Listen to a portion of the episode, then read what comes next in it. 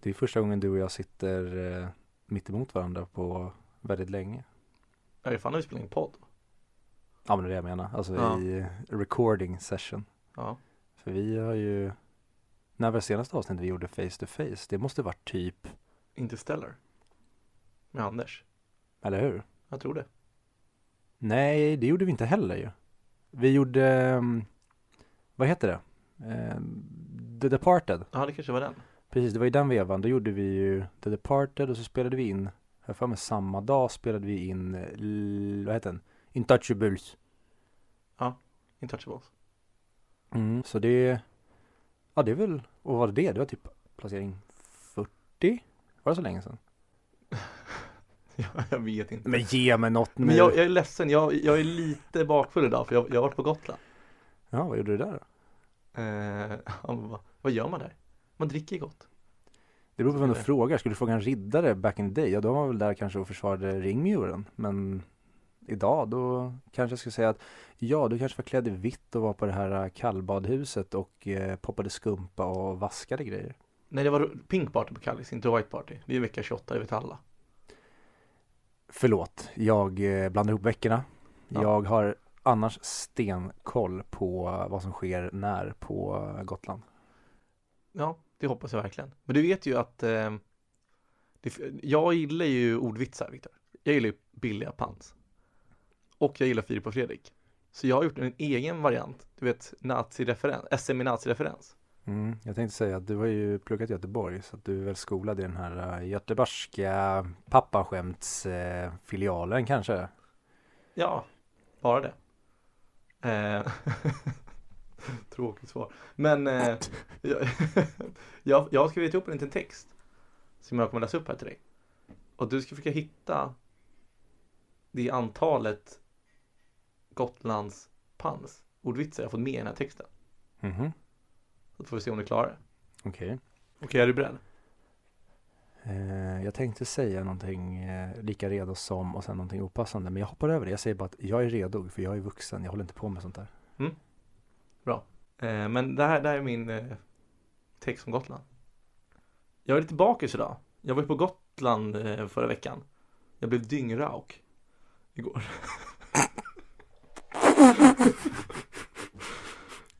jag vet att du, att du tänker att jag, är värsta, lju- att jag är värsta ljugan. Men lita på mig. När jag väl drack så var livet en raukmacka. Nej, fy fan vad dålig. Får jag ens dra det här? Du får ta in någon annan Viktor. Jag tror att det hade varit visbytt. Va? Jag, jag kan sluta berätta om min resa. Ehm, för det, det är som att jag toftar på din mentala kropp. Men innan vill jag slå slag för restaurangen vid Almedalen. Bra service, bra dricka och det jag beställde var verkligen ett gott lamm.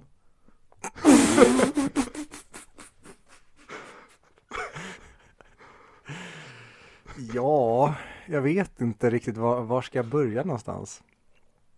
Då får du eh, läsa igenom det nästan långsamt om jag på något sätt, är det ens en idé att jag ska försöka ta någon poäng i det här? Det enda vi hade var Dyngrauk. Vi har Ljugarn som ett område. Vi har, Det heter väl Djurgården? ja, men jag måste ju höfta lite för att få en mer inlevelse i texten. Eh, rakmacka. Eh, och sen sa jag också, för fan vad dålig, får jag ens dra det här? Får det? och jag tror att du borde ta in någon annan. Jag tror att det hade varit visbytt. eh, och att... att Men vänta, vä- vänta nu, vänta nu, vadå visbytt? Ja, Vistbytt. Bytt ut mig. Det hade varit vist. Visby. Eh, Men också att, att det här är så dåligt så det känns lite som att jag toftar på din mentala kropp. det är svårt att få in tofta på annat sätt.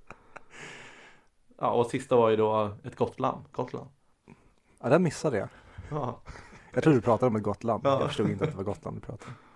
så Så det är det du har gjort under din tid på Gotland? ja. Jag, ja, det- jag ser ju en eh, Strindberg in eh, the making. Du känns verkligen som en wordsmith. Mer, vad heter han i Grotesco? Per Andersson. Mhm. Ja, eller Henrik Dorsin. Men han, Henrik Dorsin är inte ordvitsig tänker jag. Ja, ah, det kanske du har rätt i. Men ja, jag tänkte att båda hade fått Karamellodiktstipendiet.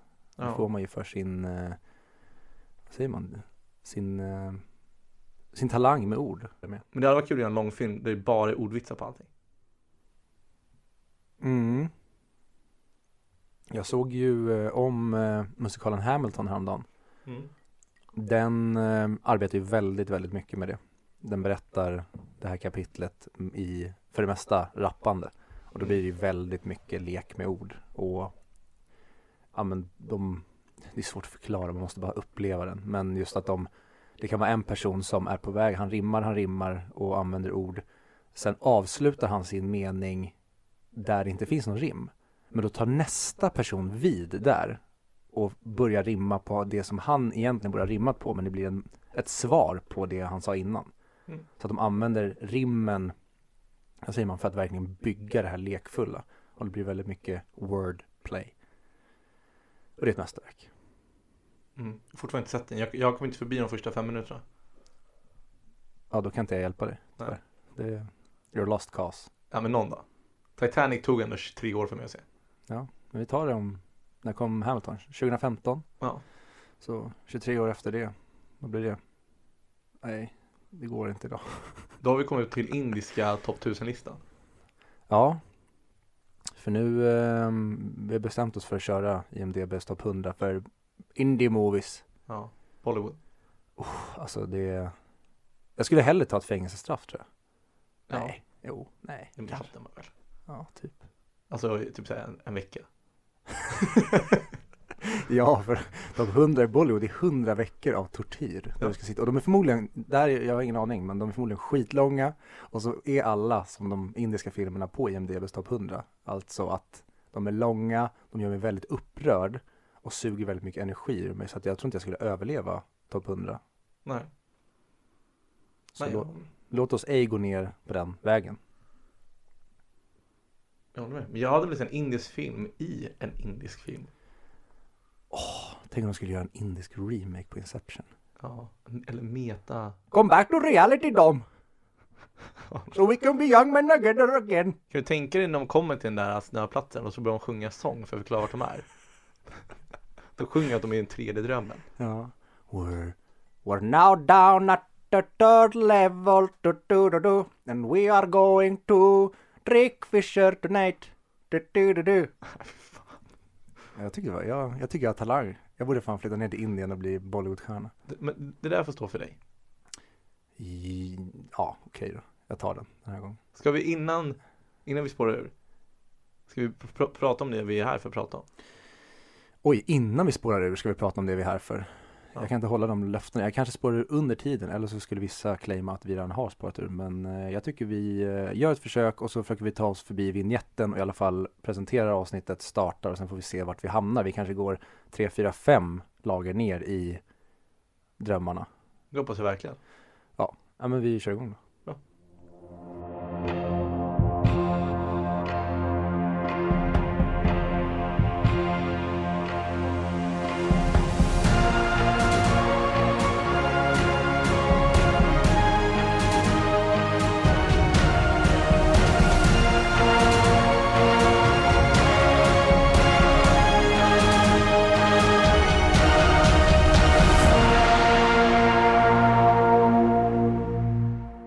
Hej och Hej! välkomna till Fan! Du, du, jag berättade att jag alltid ville gö- göra den.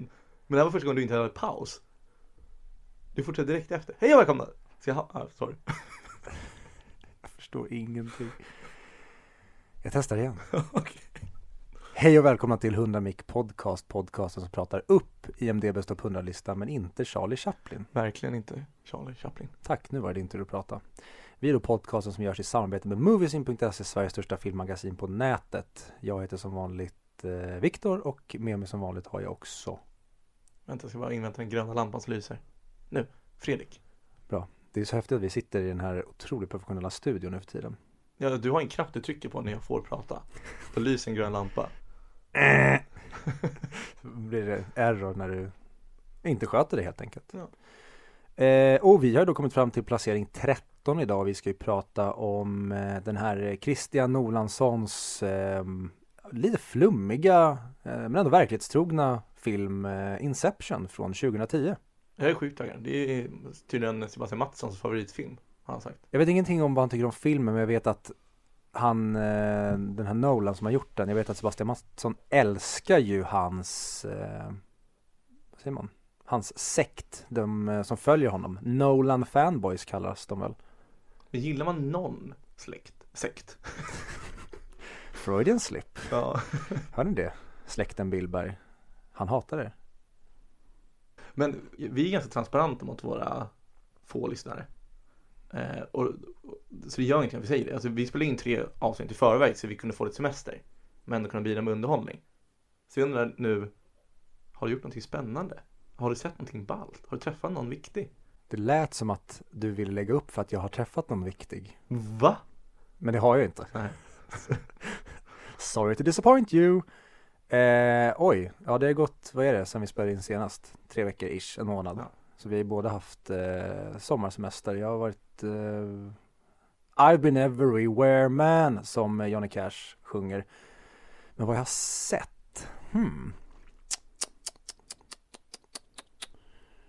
Ja, jag såg om eh, Hamilton som jag nämnde lite Mm. tidigare nyss. Eh, men skit samma, vi ska inte prata om det för det är ingen som bryr sig om vad du och jag har sett. Vi har tagit det från att tidigare var det ingen som brydde sig hur vi mådde men nu efter Alex var med i de två tidigare avsnitten och vi sket i vad vi hade tittat på utan vi gick direkt in på filmen så Ja mm. Jo eh, förresten jag var på Jag var på affären Jag var i eh, matbutiken häromdagen Okej. och eh, såg ett bekant ansikte och så stannade jag upp och funderade på hmm, vad känner jag igen den där personen ifrån? Och så kom jag på att det här är, eller det här, det var en vikarie som jag hade när jag gick i högstadiet. Det här var under en period där jag hade släppt mitt filmintresse för att ja, det började pirra i pungen, hormonerna kom och det var mer intressant att jaga tjejer och hitta på hyssen och kolla på film. Och då hade jag den här vikarien och han pratade så otroligt passionerat om eh, Batman Begins. Och då hade jag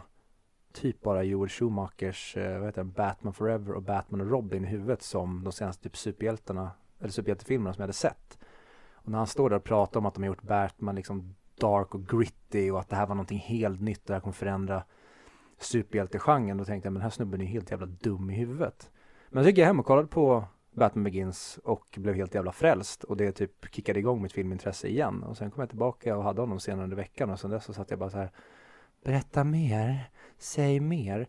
Så jag tänkte gå fram till honom och eh, tacka honom för att han eh, väckte mitt filmintresse till liv men där och då så kände jag mig skör och svag så att jag vågade inte göra det. Det ångrar jag mig som fan för. Ooh, Bigis. Nej, det ska vi inte hålla på och håna andra när de känner saker. Eh, men Nej. kul att, du- att, att du har en sån person som verkligen skapar det för dig. Jag tror att, utan att bli för sentimental, så tror jag att du ändå har väckt mitt filmintresse. Mhm. Alltså in, inte bara med podden då, utan med din feta projektor. Och så här, tvång till att se filmer som jag annars inte hade sett. Som första gången vi såg 21 och Space Odyssey. 2001. Nej, inte 2000 Furious. Eller vad sa du? Jag vet inte vad som händer längre. Vilka våra semesterhjärnor är. Eh, eh, eh, eh, ja. Nej, ja, nej men det är kul att eh, du umgicks med mig för mina materiella saker, alltså inte för mitt filmintresse utan för att du kunde se filmer på en häftig stor eh, bioduk. Mm. Lite bitter dock, för jag har för mig att jag lånade ut ett Wii-spel till dig som jag aldrig fick tillbaka. Kan stämma, ligger där ute. Jag har massa Wii-spel Ja. som ligger eh, i min Men Vår, tv-bänk. vår Wii funkar fortfarande inte, så det, och det är ingen fara. Du, du, jag begär det inte tillbaka heller. Nej men nu har det bara offentligt shameat mig och det känns Det är en dålig start på det här avsnittet för att jag kommer ju bara tänka på att du går runt och bär på såna här grejer och har det här agget och har haft under väldigt många Mm. år så att jag känner mig just nu skör och eh, rädd. Du är en attackerande försvarsställning. Ja, vi brukar kalla det för passivt aggressiv eh, svenskhet Ja. i mitt hem. Men det är bra, för då kanske vi får lite diskussioner kring, förutom hur bra den här filmen som vi ska prata om är. Mm. Måste bara sticka in med eh, passiv aggressivitet. Igår var jag ute och åkte på min eh, elskoter Mm. och då gick det en kvinna med flera hundar i koppel på trottoaren. Och då plingar vi när vi, jag och han jag åkte med, vi plingade en bra bit ifrån. Och då drar hon liksom hundarna åt sidan så att vi ska kunna komma förbi. Och hon säger med den mest passivt aggressiva tonen och hon ser väldigt sur ut. Men hon säger tack så mycket för att ni plingade. Så vi sa när vi åkte därifrån att menade hon det hon sa eller var hon bara jävligt sur på att vi kom åkandes? Det, det, var, det made no sense. Hon var jättearg i sin ton och sin, sitt ansiktsuttryck men orden var ju tacksamma. Och då kände jag att det där är pure svensk passiv aggressivitet när den är som mest, vad säger man, ambiguous. Ja, det låter jättesnällt, men om man inte var där vet man inte.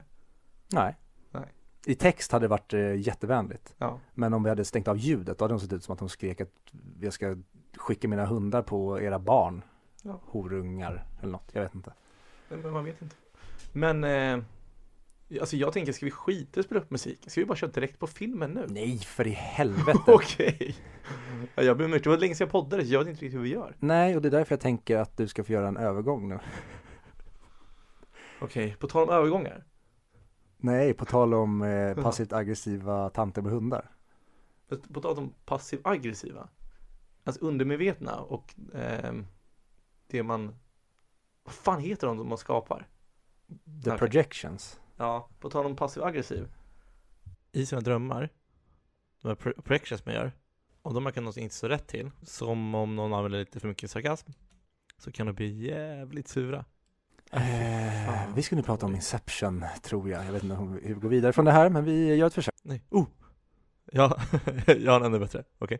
Men på tal om att se saker fel och passiva aggressiva människor. I en drömvärld så hade alla varit trevliga och bara velat allas väl. Ja, jag tror Christopher Nolan kan ha fått det om bakfoten, för i den här filmen så är ju de andra människorna motsatsen till. De är ju väldigt lättkränkta och går väldigt gärna till attack Ja, men det är bara för din dröm i en dröm. i en dröm. För det, blir alltid, det är som att eh, två positiva blir minus. Nej, tvärtom. Två negativa blir en positiv. Det här är ingen bra reklam för eh, snacket innan filmen. Jag förstår att folk spolar förbi det här. det, det är jag också. Ja, men nu gör vi så här. Vi pratar om Inception så kör vi.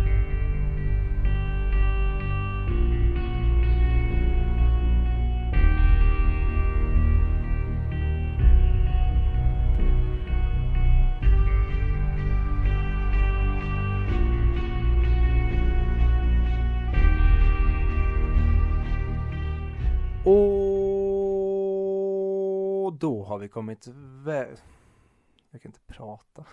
Började så bra. Jag började med ett å. Du började med en så otroligt stark vokal. Ja. Eh, vi har kommit fram hela vägen till eh, filmsnacket den här veckan. Vi har kommit hela vägen fram till filmen som denna vecka är då Christopher Nolans Inception från 2010 som han även själv har skrivit. Fredrik, har du eh, sett den här förut? Jag tror typ bara fyra eller fem gånger. Bara? Ja. Så du är en lite blurry, du kanske inte ja, vet hur den börjar, vet hur den slutar, vet vad som händer mitt i. Jag vet inte, vart ska vi börja någonstans? Det finns väldigt mycket att prata om. Vi kommer nog prata både om filmen, vi kommer nog prata mycket om Nolan, vi kommer nog kanske hamna en del på drömmar.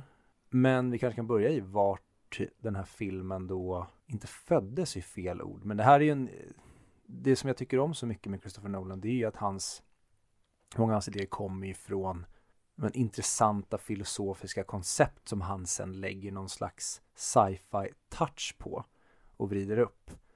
Och när han hade filmat klart Insomnia som kom 2002 vill jag minnas så pitchade han Inception, för då hade han idén för Inception så pitchade han den för Warner Bros tror jag att det var. Och eh, sen dess så skrev han på manuset till Inception och då efter Dark Knight när han verkligen var erkänd så lät studion honom göra den här och som jag sagt förut, the rest is history. Det, det är det som är så, det är så nice med Nolan. Det är bra filmer, de är snygga, de är alltså bra på allt cineastiska sättet. Men också att de har den här filosofiska tankar och idén. Till skillnad från typ Casablanca. Som bara är en liksom medioker film om andra världskriget. Du vet att Sebastian Mattsson inte hör va? det tycker jag var kul och ge kängor till folk när de inte kan sparka tillbaka. Det är väl hela det, det, det är väl det som är hela poängen med hans egna podcast bakom ryggen. Ja. Att han Ja. snackar skit om människor som inte är där för att försvara sig. Så jag tycker vi gör detsamma mot honom. Eh, nej men eh, skämt åsido, jag håller med dig helt. Och Inception är ju en av de filmer som verkligen har varit så här en jävla snackare jag vet inte hur många efter som jag kommer på som var så Alltså tänk dig runt den här tiden, säg efter 2008 Kan du komma på en film som var mer så här snackad om, som folk pratar om? Shutter Island var ju inte riktigt det på samma sätt. Den Nej. kom väl till och med samma år och det är roligt att den handlar om, ja men, tacklar liknande saker. Om att förtränga verkligheten. Hmm, vad har vi mer? Ja, men för det är Mm. dels att det är så en bra film Men den den är så bra balanserad på att den, många kan tycka att den är otydlig Så Inception är ju alltid ett go-to-exempel på en film som, är, som folk kanske inte fattar Men jag, jag tycker att de borde fatta den för jag tycker inte att den är så komplicerad Mm. Jag tycker att den är, alltså den är väldigt komplicerad i det att väldigt mycket är öppet för, öppet för väldigt mycket tolkning och det ger också en möjlighet för att, ja men tolkningen av en viss scen eller en viss struktur eller hur en karaktär beter sig, det kan vara Ja men bara säga att du tycker att det är verklighet i slutet och jag tycker att han fortfarande är kvar i drömmen i slutet. Då är det två helt olika filmer för dig och mig. mm. Och sen finns det case som jag tycker båda starka argument för att han skulle vara kvar i drömmen men samtidigt har hittat vägen hem. Det beror, och det har Nolan själv sagt i intervjuer att eller jag tror att det var Jonathan Nolan som sa det och sen så bekräftade typ Christopher Nolan bara det att det är inte upp, alltså filmen ger inget svar utan Mm. Precis som det är, nu bör- börjar vi i slutet men vi kommer komma fram och tillbaka, precis som det är för Cobb i slutet att han stannar inte kvar vid snurran och kollar om den faller. För att för honom är hans subjektiva tolkning av det här, det är det som är sant. Han har accepterat att mål är död Mm. och att nu när han kommer ut, det är hans verklighet så att han vågar se på sina barn. Så att för honom kvittar om han är kvar i drömmen eller inte. Det viktigaste är att han, det är hans verklighet. Och det är Mm. lite så Jonathan Nolan berättade om när folk då har frågat om, ja men eh, drömmer han eller drömmer han inte i slutet? Och han har sagt att det är helt upp till dig själv. För det, det finns egentligen ingen riktig verklighet för oss heller, utan vi är påverkade av massa subjektiva saker som gör att du ser verkligheten på ett sätt och jag ser verkligheten på ett annat. Och det Mm. tycker jag är så, om man ska koka ner till någonting, det finns otroligt många lager och saker att prata om, men någonting du, vad man ska ta en konkret grej, då är det just det att det är en subjektiv film som visar någonting subjektivt för att allting är typ egentligen subjektivt när det kommer till the human mind. Jag håller med om den. Sen finns det teorier eh, Nej men fan, då kommer vi in på sen. Mm. Nu pratar om slutet. Mm. kan vi inte komma in på nu. Eh, men jag håller med dig och att just att Inception har blivit en grej, att någonting kan vara Seption. En kaka en kaka, det blir kakception. Ja, det, det har verkligen blivit att när man, när, när någonting är, folk kan typ prata om, me, alltså när det blir meta, Mm. då, då går direkt folk och säger att ah, fett, det är som Inception. Alltså när man Mm. går ett, ett steg bort eller ett steg djupare, helt plötsligt så är det Inception. Vilket är konstigt för Inception, finns, fanns det ordet innan filmen? Alltså Inception betyder ju början egentligen. Eh, Det finns någon bättre översättning. Men till exempel du kan ju säga ehm, termen since, since its inception är liksom Okej. en mening och det betyder liksom sen begynnelsen eller sen liksom starten. Ja. Och det är ju just på grund av, ja men de, som, du, planse, du planterar någonting, du sår någonting, du startar någonting. Ja, för, Och ja. motsatsen i det här, det är liksom extraction, du tar ut någonting. ja, för det fattar inte jag att Inception, att de använder det ordet i filmen. För jag, jag, jag såg det nu, jag har inte tänkt på det innan. Mhm. Eller, det, det, är ingen som, det är ingen som har fastnat innan i alla fall. Alltså, det är en fröjd att se filmen. Ja, och jag tror du och jag är ganska, vi har nog blottat tidigare vad vi tycker om Nolan och den här och jag blir baffled varje gång jag ser en Christopher Nolan, eller ser om en Christopher Nolan-film blir det nu. Men även, jo, ja, okej, ser om. Jo, för att jag var inte så imponerad av Tenet första gången jag såg den. Jag var inte så imponerad av Tenet, jo, imponerad var jag, men jag blev converted till att förstå briljansen mer än efter typ tredje gången. Och det är det jag gillar med Nolans filmer, det är att det spelar ingen roll att jag, jag, jag tror jag, skulle kanske gissa på att jag kanske har sett Inception mellan fem och tio gånger. Men Mm. varje gång så upptäcker jag nya saker, jag omvärderar saker jag tidigare trodde, så men så här är det. Och så ser jag om nej det var nog inte så, eller jag blir i alla fall öppnare för att det kan vara på ett annat sätt. Och du kan framförallt se filmen på, tycker jag, på väldigt många olika sätt. Till exempel att det, man skulle kunna claima att en Inception utförs på Cobb under hela filmen. Och att egentligen det finns en den riktiga världen är innan de startar och då är liksom Michael Caines karaktär Miles med, Ariadne är med och sen säkert Arthur och resten av gänget också. De utför en Inception mot Cobb genom att få honom att tro att han utför en Inception på Fisher. Så att egentligen är det ju Cobbs catharsis vi når i slutet när han släpper taget om mål, precis som att Fischer släpper taget om alltså hans pappas imperie. Så man skulle kunna se det som att det pågår två Inceptions samtidigt, men vi pratar bara om Fischers Inception när det faktiskt skulle kunna pågå en till Inception, att de är fyra drömlager ner när de är i snölandskapet. Alltså det tycker jag, nu är det inte det som filmen säger rakt ut, men jag tycker att filmen håller för att se det på det sättet om man väljer att se det på det sättet. Jag har inte tänkt på det. För oh, jag kommer så pretentiöst, men jag tycker inte det är så mycket konstigt i Inception. Alltså det, det är inte så, det mesta Alltså jag håller med dig, att man kan se det på olika sätt. Men jag tycker inte att det är någonting som är så otydligt med den. Jag tycker mer att det är ett, som du säger, att man inte får svar. För det är så här, ja men de är en dröm så åker man in i nästa persons dröm som jag är i drömmen på ytan, absolut, strukturen och det. Mm. Men där kan jag förstå att folk blir förvirrade just för att det finns flera drömlager och sen Sen ska vi gå in på hur tekniken funkar och vems dröm vi är i där och då och vems projiceringar som dyker upp där, alltså vems projiceringar som dyker upp i den scenen, vems projiceringar som dyker upp i den scenen. Och sen när vi går in på limbo-stadiet, hur funkar limbo? För att limbo är ju liksom, det är delad Alltså där det är oändligt av unconscious creation som liksom delas av alla som delar drömmen. Och där blir det också, man, man måste, när man börjar liksom, man ska lägga ut detaljerna och tänka på de små grejerna, då blir det mycket att hålla koll på, speciellt när du ska se filmen samtidigt, för filmen har väldigt högt tempo och den respekterar inte tittaren på det sättet tycker jag att den överförklarar, samtidigt som att ja, eh, Nolan är, många tycker att han är dålig på att ge liksom exposition. Han låter sina karaktärer säga saker rakt ut. Men i den här filmen så pratar de och förklarar väldigt mycket. Men de förklarar inte tillräckligt för att det går så himla snabbt. Så du måste fortfarande ha koll på grejer. Och förutsättningar förändras, kanske inte regler, men förutsättningar förändras. Jag tycker att det är en film fullmatad med information och struktur och in, alltså av koncept som sen inte... Det, du får aldrig eh, tiden att stanna upp och lägga pusslet, utan det får du göra efter och när du ser om filmen. Och det är det jag kan köpa att folk tycker är så himla komplicerat, för att det finns otroligt mycket detaljrikedom i den här filmen som man måste sitta och fundera på och som det verkar som att skådisarna själva inte riktigt är säkra på vad det är som är sant. För jag läste en intervju med han spelar Yusuf och han sa att första drömmen är Yusufs i och med att det är regn och han har druckit champagne så han är kissnödig. Andra drömmen är Arthurs dröm eh, för att det är han som stannar kvar där sen när de åker vidare. Men sen var det tredje drömmen, där sa han att det var Fishers dröm och det tolkade jag det också som. Sen läste jag på ett annat ställe där någon som skrev att det är Eames dröm när de är nere i, i, i eh, snövärlden. Men jag tolkar det helt och hållet som att vi är nere i Fishers mind i och med att det är där vi ska, det är där inceptionen sker. Och sådana grejer gör mig så här, hmm, det skulle ju kunna vara båda, men jag tycker att det är Fishers mind. Men det verkar som att där är folk inte överens.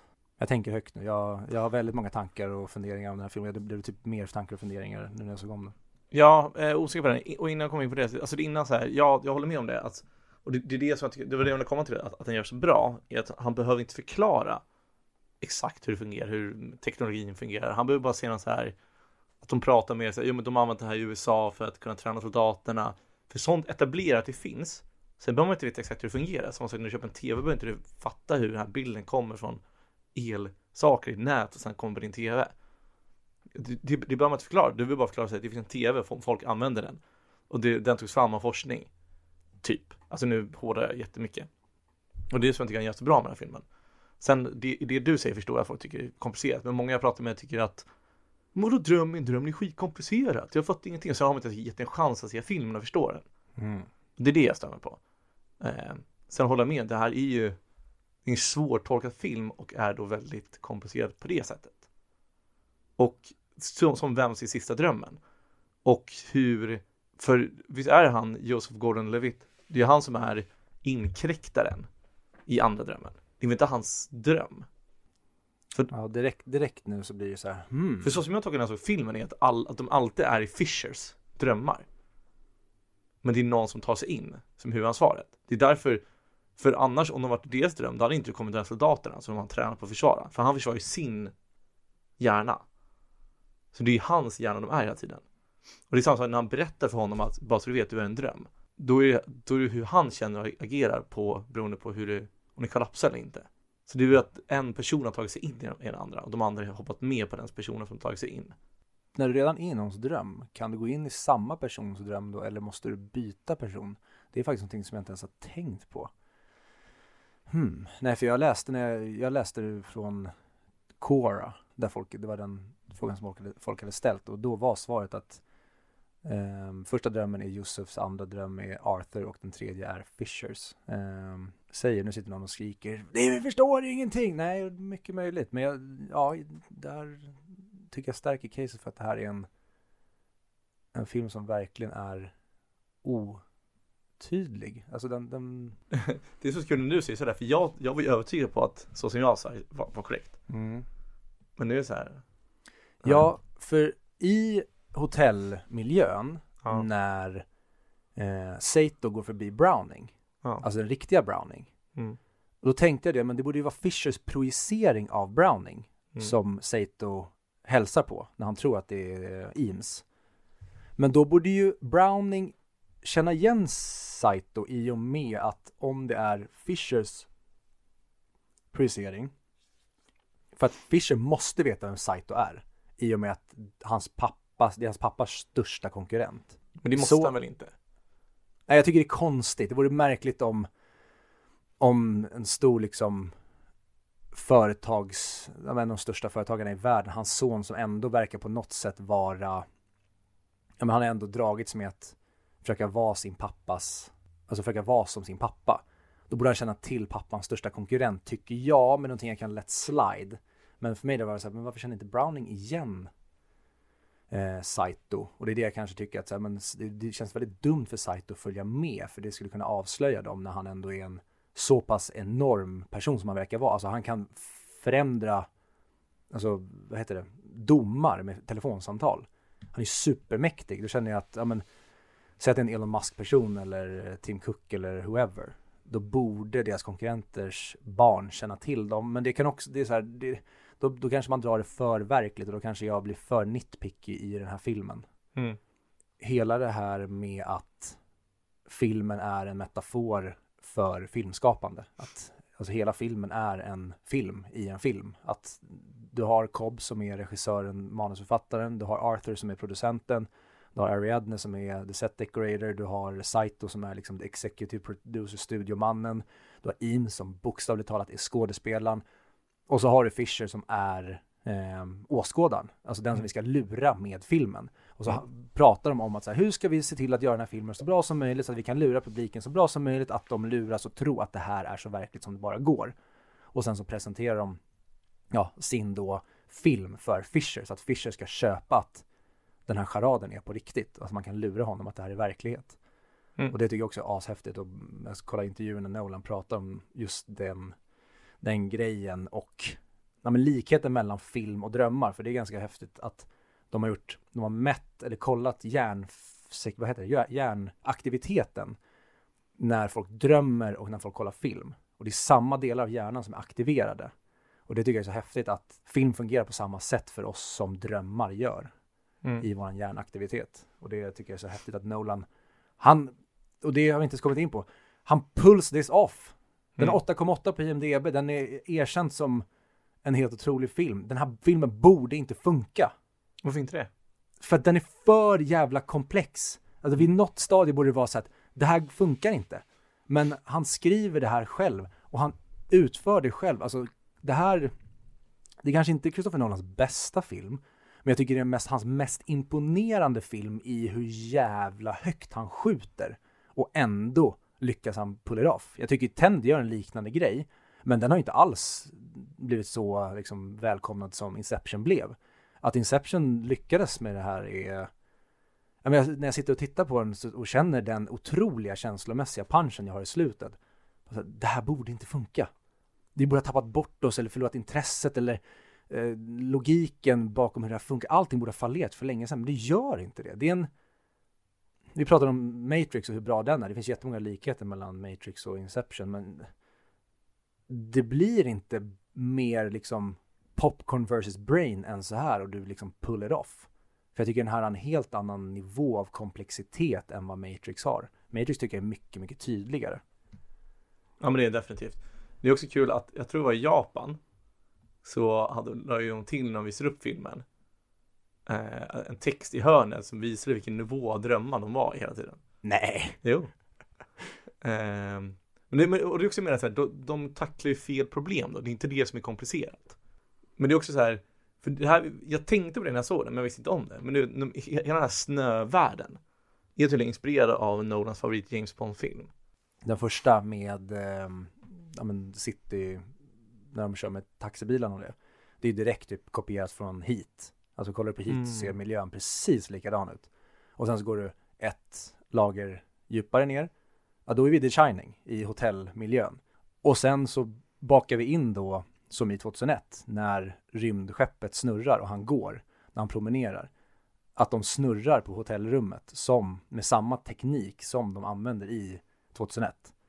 Och sen så som du säger så går han ner i då eh, Her Majesty's Secret Service och kopierar den miljön rakt av. Och jag älskar det med Nolan, att han visar sådana jävla tydliga nods till sina favoritfilmer och sina favoritfilmskapare. Men han gör någonting helt annat med det. Ja, jag håller med. Och det tycker jag är så jävla coolt. För det finns ju alltid, jag, när, när jag kom ut så visar de jättemycket om hur man gjort specialeffekten till den här filmen. No, som några av er här och det vi har pratat om. Han är ju sucker för praktiska effekter och han är inte den enda, det är vi också. Och jag tror att i den här filmen hade de 500 VFX shots. I normal film, för att sätta det i, i relation, så är det ungefär 2000. Så det är väldigt få. Däremot så tycker jag fan specialeffekterna såg ganska fula ut ibland. Mhm, har du några exempel? När han, när han ska visa Ellen Page vad en dröm är och vad man kan göra i drömmen. Jag tycker det såg väldigt fult ut. Mm. Du vet att det är riktiga saker flyger på riktigt och sen har de lagt till saker med effekter. Ja, men, det, det, men det är ju sprängningar som, som, som såg ful ut tycker jag. De spräng, ja, det är, luft, det är luftkanoner. Men det kan inte vara. För det, det, för det var någonting jag, reagerade på där, som var att det här ser inte snyggt ut. Sen finns det såklart att de har eh, Alltså det finns säkert shots som är där det sprängs, alltså där du ser källan där någonting exploderar. Det är garanterat pure CGI. Men när de sitter där på kaféet så de rehearsade, rehearsade, rehearsade för att se så att det finns liksom shots på där de skjuter ut och det sitter ja men doubles eller stunties och håller för öronen för att de inte ska få någonting, alltså att det smäller till högt i deras öron. Att de kör riktiga luftkanoner som skjuter iväg grejer. Och sen de har typ satt på typ bilen som snurrar, den är också riktig. De har ju satt linor på den så att den snurrar mm. som att det kommer en tryckvåg. Så det är mix av CGI och praktiska effekter.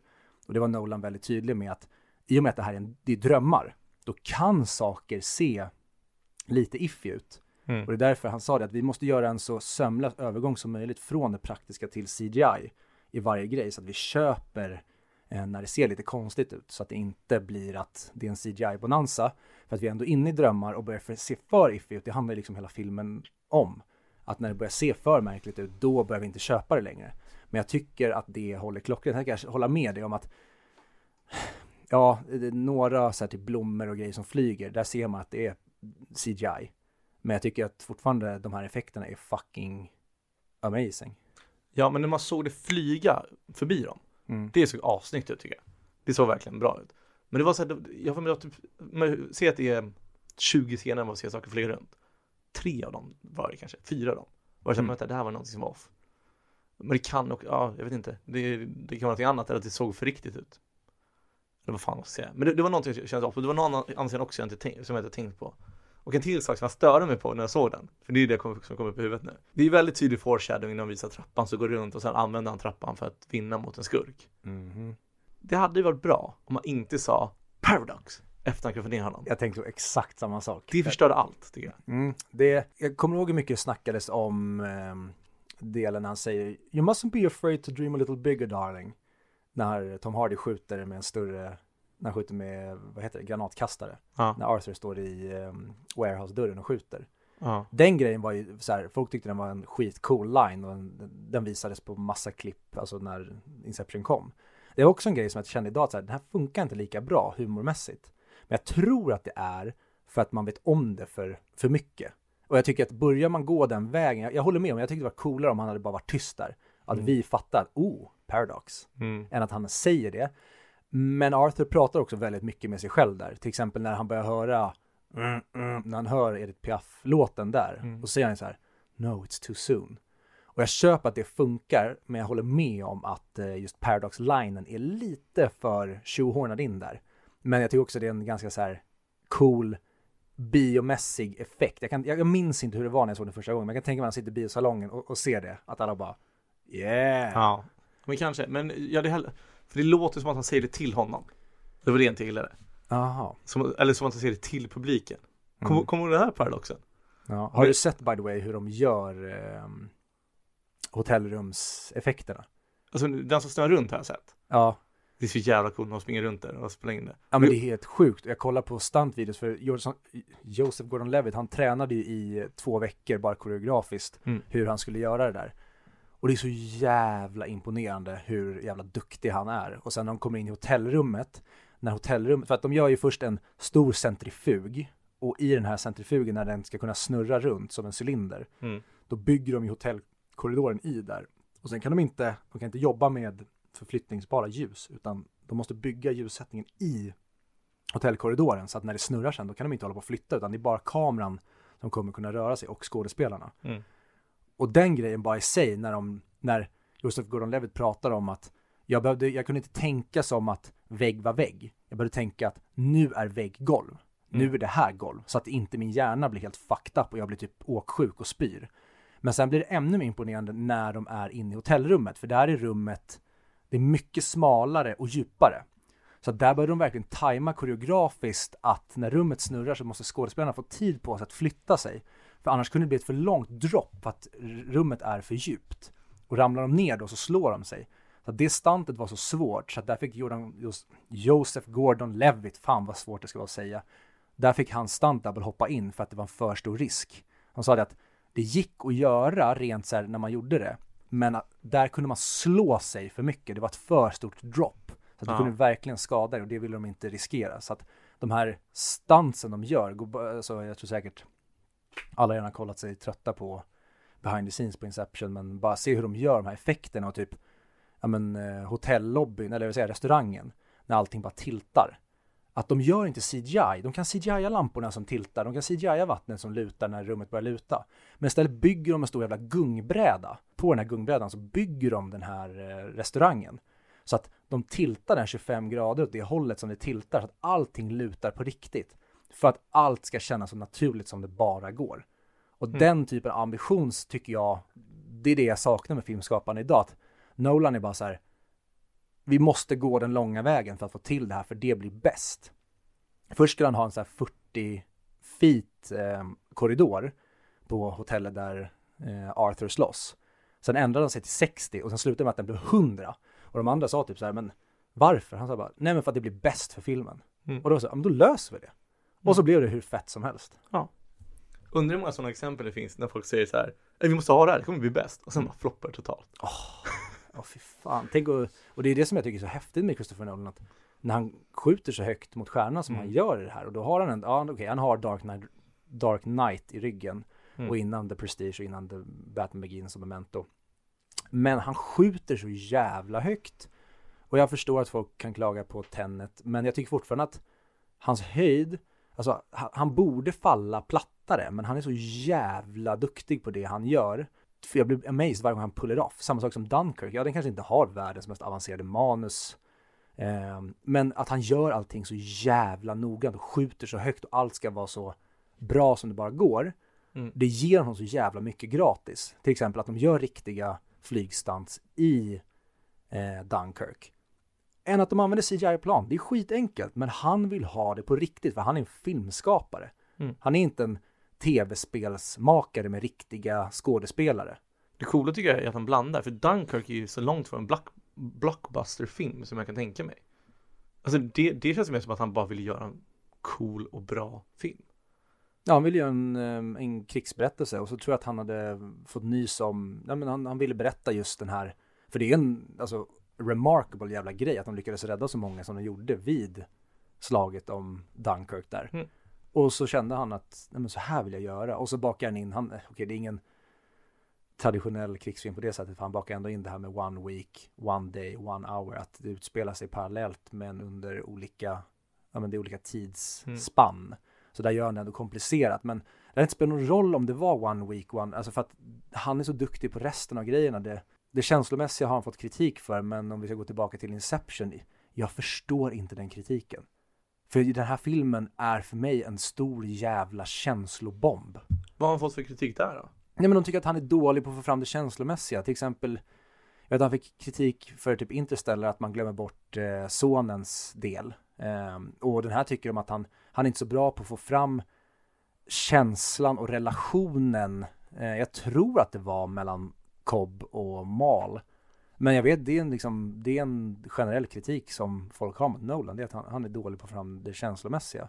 Och jag köper inte det för att den känslomässiga punchen i slutet är när han bara när han berättar att, eller när han säger till Mal att men vi hade vår tid ihop. Och sen vad han väljer att göra efter det och när han kommer ut därifrån och när gitarren kommer ur spåret Time på flygplatsen och de andra nickar till honom. Bara så här, alltså det är typ få karaktärer jag är så glad för får komma hem som jag är för Cobb mm. efter det de har gått igenom och den här otroliga resan de har varit med om tillsammans. Men jag kan inte köpa lite kritiken. Jag tycker att, att, de, att han hade kunnat skriva upp det. Jag tycker, jag tycker inte det behövs. Men jag tycker att han hade kunnat gjort det. För jag får inte heller samma som Interstellar. Alltså Interstellar tycker jag att han äh, prickade perfekt. Ja men det är också hans, hans mest, eh, vad säger man, det är hans mest relationsfokuserade film skulle jag säga också. Mm. För den bygger väldigt mycket på love, alltså hur det ja. kan cross through liksom dimensions. Så där tycker jag det finns en tydligare fokus att verkligen få till den. Och det, typ scenen med Murph och Cooper innan han lämnar henne. Är, ja men, ja. Det, det här tycker jag bara så här, alla shut the fuck up. Han är ju mästare på att få oss att böla också. Ja, och sen det fanns ju många sekvenser också när han, jag menar när han säger hejdå till henne och när han verkligen, när man får höra hans ånger. Han trodde att, att han skulle göra någonting gott, men det gjorde han inte. Så han lever bara i liksom så här egen förnekelse och egen rädsla typ. Nu pratar du om Inception. Inception ja, ja, ja exakt. Mm. Ja, och hela den, alltså det är det, det finns så otroligt många små delar i den här filmen att prata om. Men just vad det har gjort med honom när han lever med den här skammen och skulden över att allt han ville, han var säker på att limbo var limbo. Mm. Att han går in och manipulerar människan han älskar mest gärna att tro att det här är limbo för att hon har blivit övertygad om att det här är deras verklighet. De har tappat greppet om vad som är verkligt och inte. Och att han inte förstår att den här känslan kan växa som en cancer när vi kommer tillbaka till verkligheten. Det blir sån jävla nattsvart. Och att man får se sen när de är i hotellrummet. Och vad, vad gör man när man är medveten om att det är jag som har gjort det här mot dig? Mm. Eh, men jag kan ju jag kan inte ta livet av mig mot dig bara för att jag har gjort det här. Mm. För jag är helt övertygad om att vi är verkligheten. Och det tycker jag också är en otroligt stark sak med den här filmen. Det är just det att vi som till exempel, ja men om vi tar, vi kan ta, ja men politisk ideologi. Vi hittar hela tiden, vi, vi, det finns en objektiv sanning kan man säga, men vi alla lever i våra subjektiva sanningar och det, det handlar, livet handlar om att hitta andra människor som har liknande subjektiva sanningar som vi har. Det handlar inte om att jag ska vara övertygad om att min sak är sann, utan vi vill ha bekräftelse från andra som är överens med det och då spelar vi i synk med de här människorna. Till exempel, de har en jävla gemenskap, det här gänget, efter att de har utfört det här jobbet för att de har varit med om samma verklighet. Mm. När det skär sig mellan Mal och Cobb, det är ju när deras verkligheter skiljer sig. Man vet inte vem som har rätt eller fel, men när man inte är överens om en grej, om du säger att du är liberal eller du är konservativ eller whatever det är. När man inte är överens om vad det är för spelregler som gäller, då är det svårt att möta varandra. Och jag gillar hela den grejen med att det, de tappar varandra i deras subjektiva verklighetsbilder, för det är det som kan förena oss. Ja. Har du hört teorin om att varje gång han är en dröm så har han kvar vix, vigselringen? Jag hade inte, du nämnde den tror jag förra avsnittet och jag hade mm. inte det, men nu har jag ju det. Mm. Så du, och i slutet har han inte en vigselring på sig? Så det är vad jag väljer att tro. Jag vet och jag köper det som argument plus att barnen har ju samma kläder som i hans projiceringar.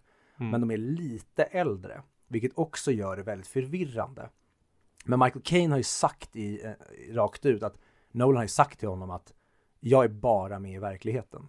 Mm. Men var, Nolan skulle kunna säga det, men alltså att, att eh, Michael Caine ska spela ut efter det. Men sen så kan man också börja nitpicka ett så här, okej, som hon säger Mal, att så här, eh, du tror inte, det, det, är inte lite märkligt att polisorganisationer jagar dig över hela världen likt projiceringar jagar ehm, subjektet. Eller att du är så övertygad om att din verklighet är den sanna, liksom får du aldrig den här eh, doubten som du egentligen borde få. Att han är så himla låst i att så här, det jag tror på är sant, det jag tror på är sant. Och så säger hon så här, men what do you feel? Det är det som är det viktiga. Så att i slutet där när eh, han kommer hem, snurrar snurran och går till sina barn.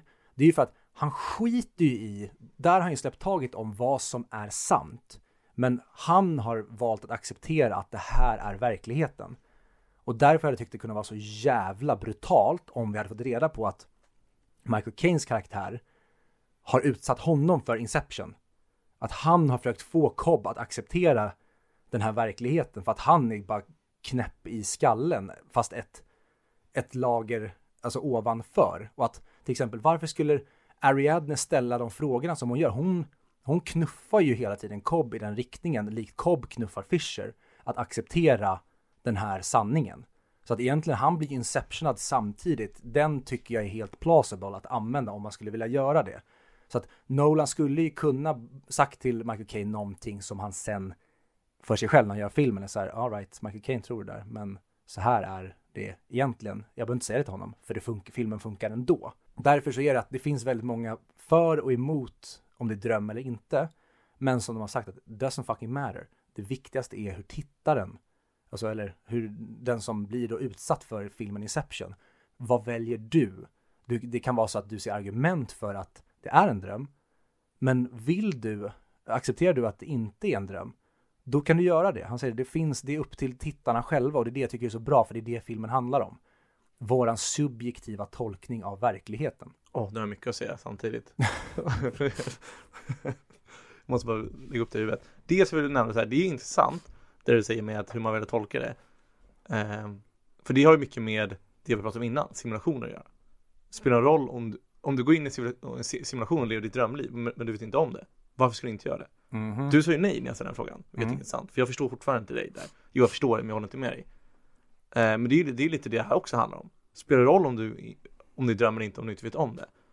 Men det är också så här, om det skulle vara en dröm, varför skulle inte hans tjej komma och rädda honom från den drömmen? För hon dog ju, och i så fall hade hon vaknat upp. Så det, måste, så det, är det är också ett argument för att det är verkligheten som hon dör i och det är verkligheten han lever i i början. Plus att de har den här spinnsaken.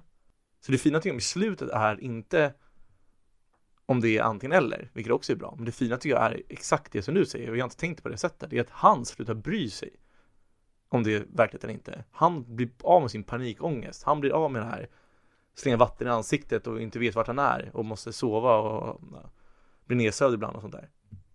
För han är nöjd nu. Han är done vid det. här.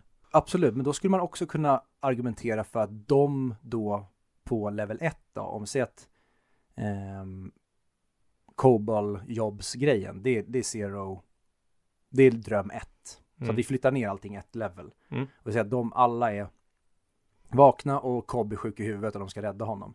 Då kanske det inte är så jävla bra taktiskt att skicka ner henne, för då kanske han ändå bara är övertygad om att du är en projicering. Mm. Men att han skickar in sin projicering av henne ändå. Och att det de kanske säger, tycker att så här, det där är inte värt att testa. Eller vi har testat det, för hon har ju försökt göra det. Ta självmord med mig. Och då kanske såg det som att kärlek och återförenande kanske är den starkaste kraften. Så de kanske, det kanske var mål de skickade ner när hon hoppar från byggnaden. Att de testade den taktiken. För att här, för henne spelar det ingen roll. Hon kanske bara säger ja, jag har sagt, pratat med psykologer, bla bla bla, och det där, och de kan alla styrka att jag är frisk. Så du kommer åka fast. Ta självmord med mig nu. Att de kände att så här, men det här är, vi har cornat honom helt. Och så misslyckas så kanske de känner i den här, i det här uppdraget att nej, nu lämnar vi Mal utanför för det funkar inte. Vi har testat det kortet. Ja. Mal, du sitter bredvid och bara håller käften eller så supervisar du allting. Till exempel. Och det är det jag älskar med att det för mig funkar också. Att jag älskar filmer där det inte finns definitiva svar utan det är det här whatever works for you-grejen. Jag, jag, det verkligen fångade mig den här gången. Men nu, jag hatar ju vara för jag blir den här negativa tråkiga. Du, du sitter där med energi och hopp och vill prata upp roliga saker. Och mitt svar blir så här, men varför var man tvungen att spela psykopatstörd? Det är klart att jag inte kommer ta självmord med händer då. Nej, det, kan, det kanske gick, alltså... Det, det är typ annat sätt, men han minns det fel typ. Det är ju mitt... Det kan jag tänka mig i så fall. Precis, och, och, exakt. Och det är ju också en grej att eh, som de pratar om så här, du vet inte hur du hamnar i drömmarna eller Ja, It's only when we wake up we realize something was actually wrong.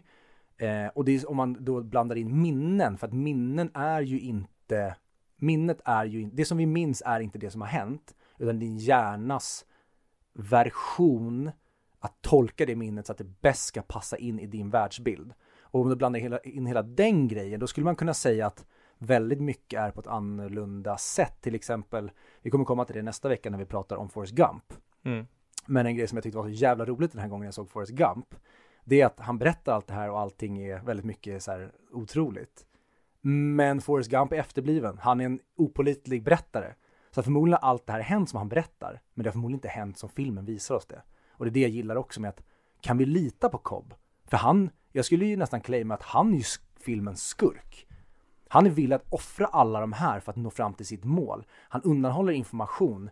Han låter liksom, han släpper in mal alltså, fast han inte vill det. Och jeopardize alla de här människorna som han säger bryr sig om. Han är så jävla besatt av det här.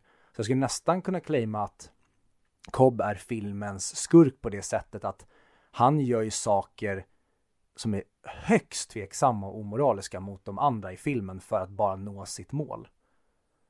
Mm. Ja, det är han ju. Uh. För till exempel tåget som kommer på Street Level, det är ju hans freight train. Mm. Där har ju han, han har ju, där, där, är, där är vi så pass ground in i drömmarna, där är fortfarande drömmarna så pass stabila att han kan trycka bort mål. Där kan han se till att hon inte kommer in. Men tåget är ju en lika stor eh, mörk plats för honom, för det var ju där de dödade sig själva i limbo. Så tåget har han inte ens tänkt på. Det kommer in och bara gör så att de inte kommer åt sina polare.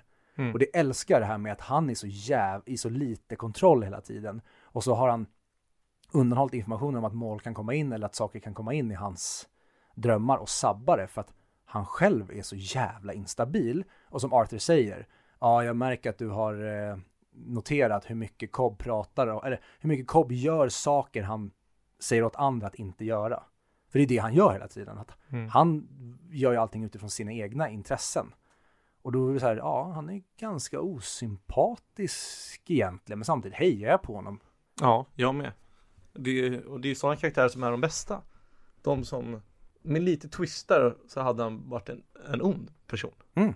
Men nu är han inte riktigt det, för han blir, alltså, han är ju mer, alltså, sjuk än ond. Exakt, precis. Han, han är ju en sjuk person. Ja. Och vi följer en psykiskt sjuk persons jakt på att hitta sin ground. Alltså man skulle kunna claima att han är en psykos. Han, han och Mal, de eh, knarkade lite för mycket.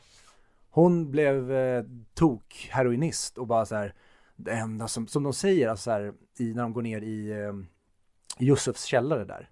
De säger så här, they come to share the dream, uh, the dream has become the reality. Mm. Och sen who are you to say otherwise? Det är precis som när människor som missbrukar till exempel narkotika eller blir alkoholiserade. När stadiet att vara full eller hög, det är deras normaltillstånd. Allting annat är deras mardröm, då, inom citationstecken. Och det tyckte jag också var en väldigt, i alla fall hur jag tolkar det, med hur Mal och Cobb var. De var unga, höga och liksom gick för långt i knarkandet så att Mal dog på kuppen och han är kvar i liksom den här knarkpsykosen och försöker göra någonting åt det. Jag älskar den grejen med att det var jag som gav henne heroinet eller det var jag som tog med henne på de här psykedeliska tripparna som sen i slutändan gjorde att hon bara tappade allting. Så att det var jag som gjorde att hon blev den här missbrukaren. Och det tycker jag också är coolt med att de visar upp den här, att de har det i den här källan också. För innan så kan man ju tänka så här, det här är bara de som har, alltså det är ju de som har någon sån här alien teknologi. Men som det stämmer att armén använder den för att träna soldater. Mm. Och att det där finns också, det är bara att de har gjort den olaglig. Eh, så det finns bara så underground, men de här är typ så bland de bästa i världen på det. På att alltså incepta idéer eller extract information. Ja, de är som hackers idag. De som Ja, är, ja. kan liksom bryta sig in i bankers system. De, de har tagit de här ja, men, möjligheten att koda och så har de bara gjort det till en, eh, de tjänar pengar på ett olagligt sätt. Det, det, är, det är bra världsbyggande.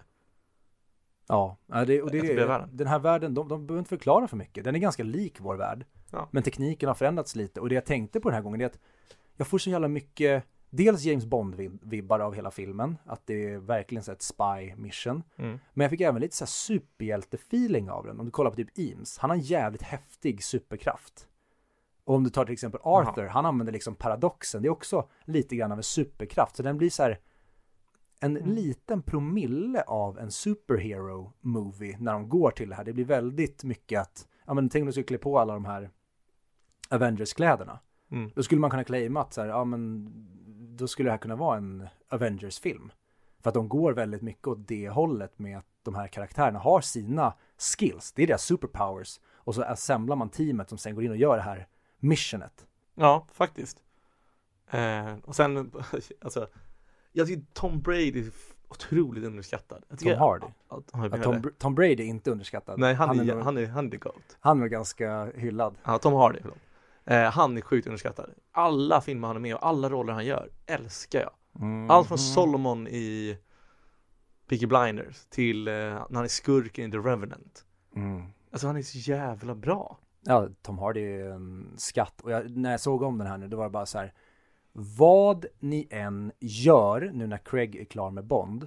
Mm. Allt annat är brottsligt än att anställa Tom Hardy som nya James Bond. Han bra. är ju James Bond i den här filmen. Och han är så Ja. jävla cool. Och han måste fortsätta vara James Bond. Alltså, det är också så snyggt av Nolan som är ett jättebond-fan. Han presenterar Eames med att han sitter i den här baren och gamblar. Som Mm. James Bond. Mm. I coola kläder och så här, sitter och är bara häftig. Och sen så blir han den här action-heron som skjuter med häftiga gevär. Och sen är han i snölandskapet och ja men bara går loss. Ja. Han är så jävla häftig Eames. Ja, faktiskt. Nej, det är, det är typ min favoritkaraktär tror jag. Sen gillar jag ju, eh, vad fan heter han igen? Han som spelar eh, Fisher. Eh, Killian Murphy. Killian Murphy. Mm. Älskar också honom som skådespelare. Ja. Ja men det är det, Nolan är så jävla bra. Så här, Okej, han kanske inte är den bästa skådespelar, liksom tweak-regissören. Han är ju mer den här strukturella och praktiska och få liksom filmen att vara Mm. det, det här paketet. Så, men det är det han är så jävla grym på, att han anställer de bästa skådisarna som finns, som är så jävla duktiga på att göra sina egna roller. Så att som jag har förstått det så ger han ju skådespelarna väldigt mycket frihet att tolka saker och fylla in och till exempel som Eames gör i den här filmen.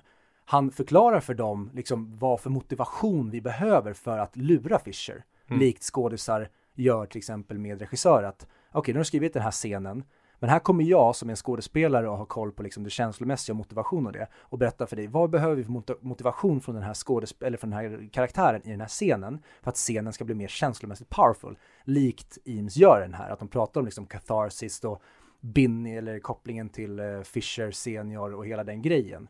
Att återigen, det Nolan gör i den här filmen, han visar hur en film liksom produceras. Det är en filmproduktion han visar i den här drömfilmen samtidigt. Och det Ja. gör också för mig, det blir helt mindblowing hur han får till det här. Ja, verkligen. Och det tycker jag också är kul att den enda skådespelaren tror jag han hade i tanke till rollen till Cobbler var Leonardo DiCaprio. Och där tycker jag också, det finns ju, han är ju väldigt lik eh, Christopher Nolan i den här.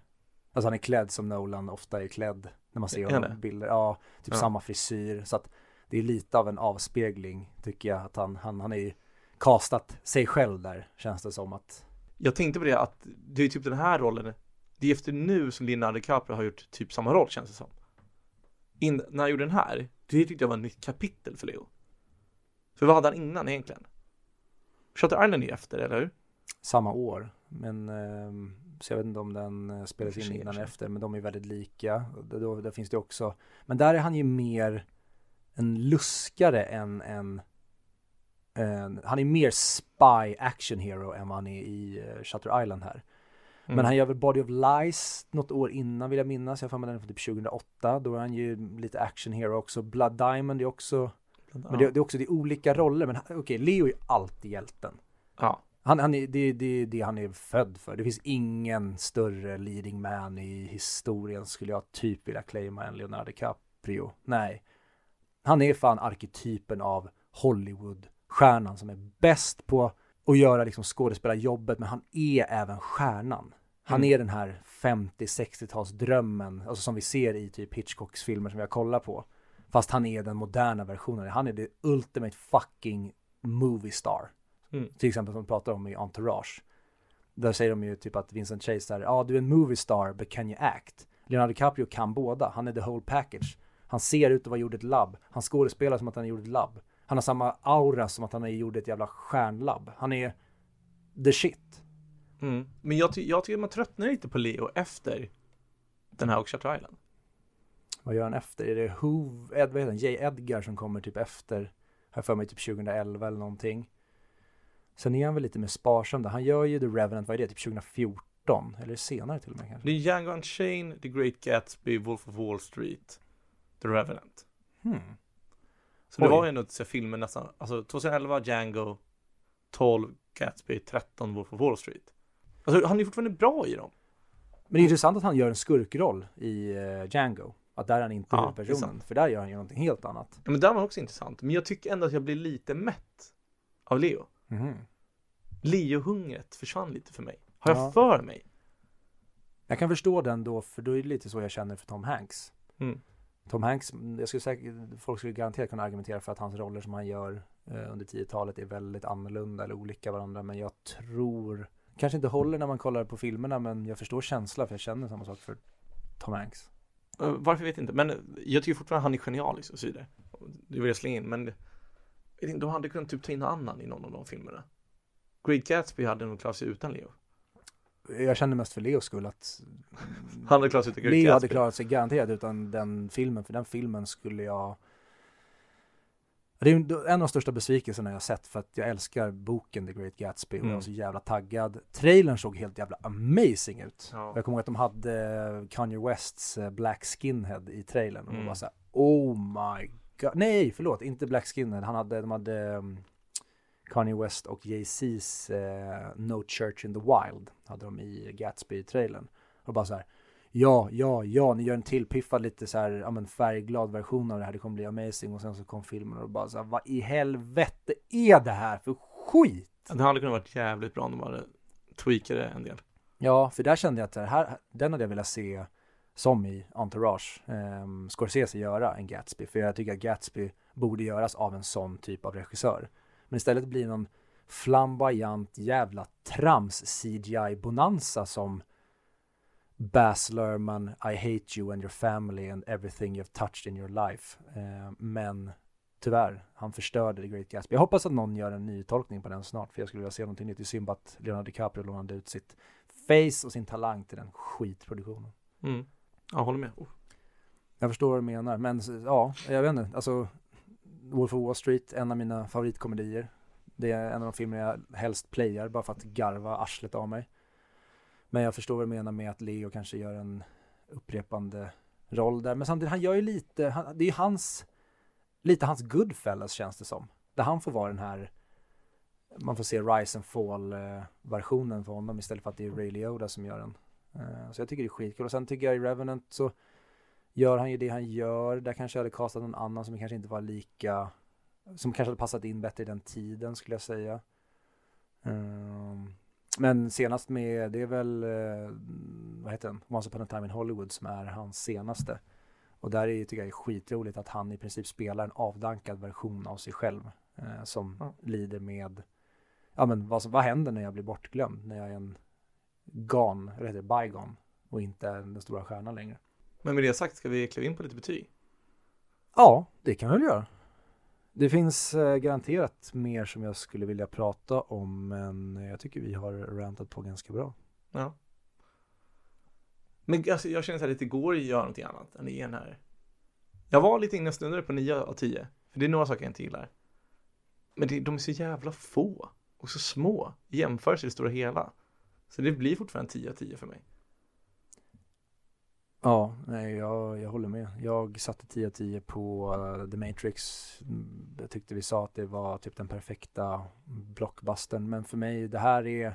Ja, men no Nolan är bäst på att göra blockbusters. Han gör otroliga biofilmer med väldigt mycket ja, men hjärna som ställer frågor. Sen, ja, jag är inte lika förtjust i Dark Knight Rises, men nej, Nolan, han är, han är something else och den här filmen tycker jag, det är kanske inte min favorit med Nolan för det är omöjligt att ranka Nolan tycker jag, men den är, den är perfekt för mig och jag älskar den. Jag älskar att se på den. Den är Mm. så jävla underhållande. Jag kan slå på den typ när som helst och bara, nu drar vi på Inception Ride för det här är en sjuk jävla underhållningskarusell. Det, det är action, man får tänka till, det är nya saker att se, den är vacker.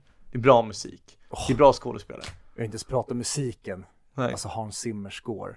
Ja. Det var, det var ju här det började när det blev inflation i. ja. Och det är också en grej som jag inte hade tänkt på inför den här tror jag. Men det är ju just när du hör nere i de djupare drömstadierna, när du hör då är ju det bara att de har dragit ner hastigheten på Edith Piaf-låten som är med. Jean Norra. Ja, exakt, blä, blä, blä. Den. Mm, exakt. Och det hade jag inte heller tänkt på att så här, det är ju bara att de hör låten, men den är neddragen för att tiden går mycket långsammare där nere. Mm. Och det är så här, fucking brilliant att Hans Zimmer gör det han gör och sen att det blir någon slags inflation i att använda de här jävla blåsinstrumenten efter det.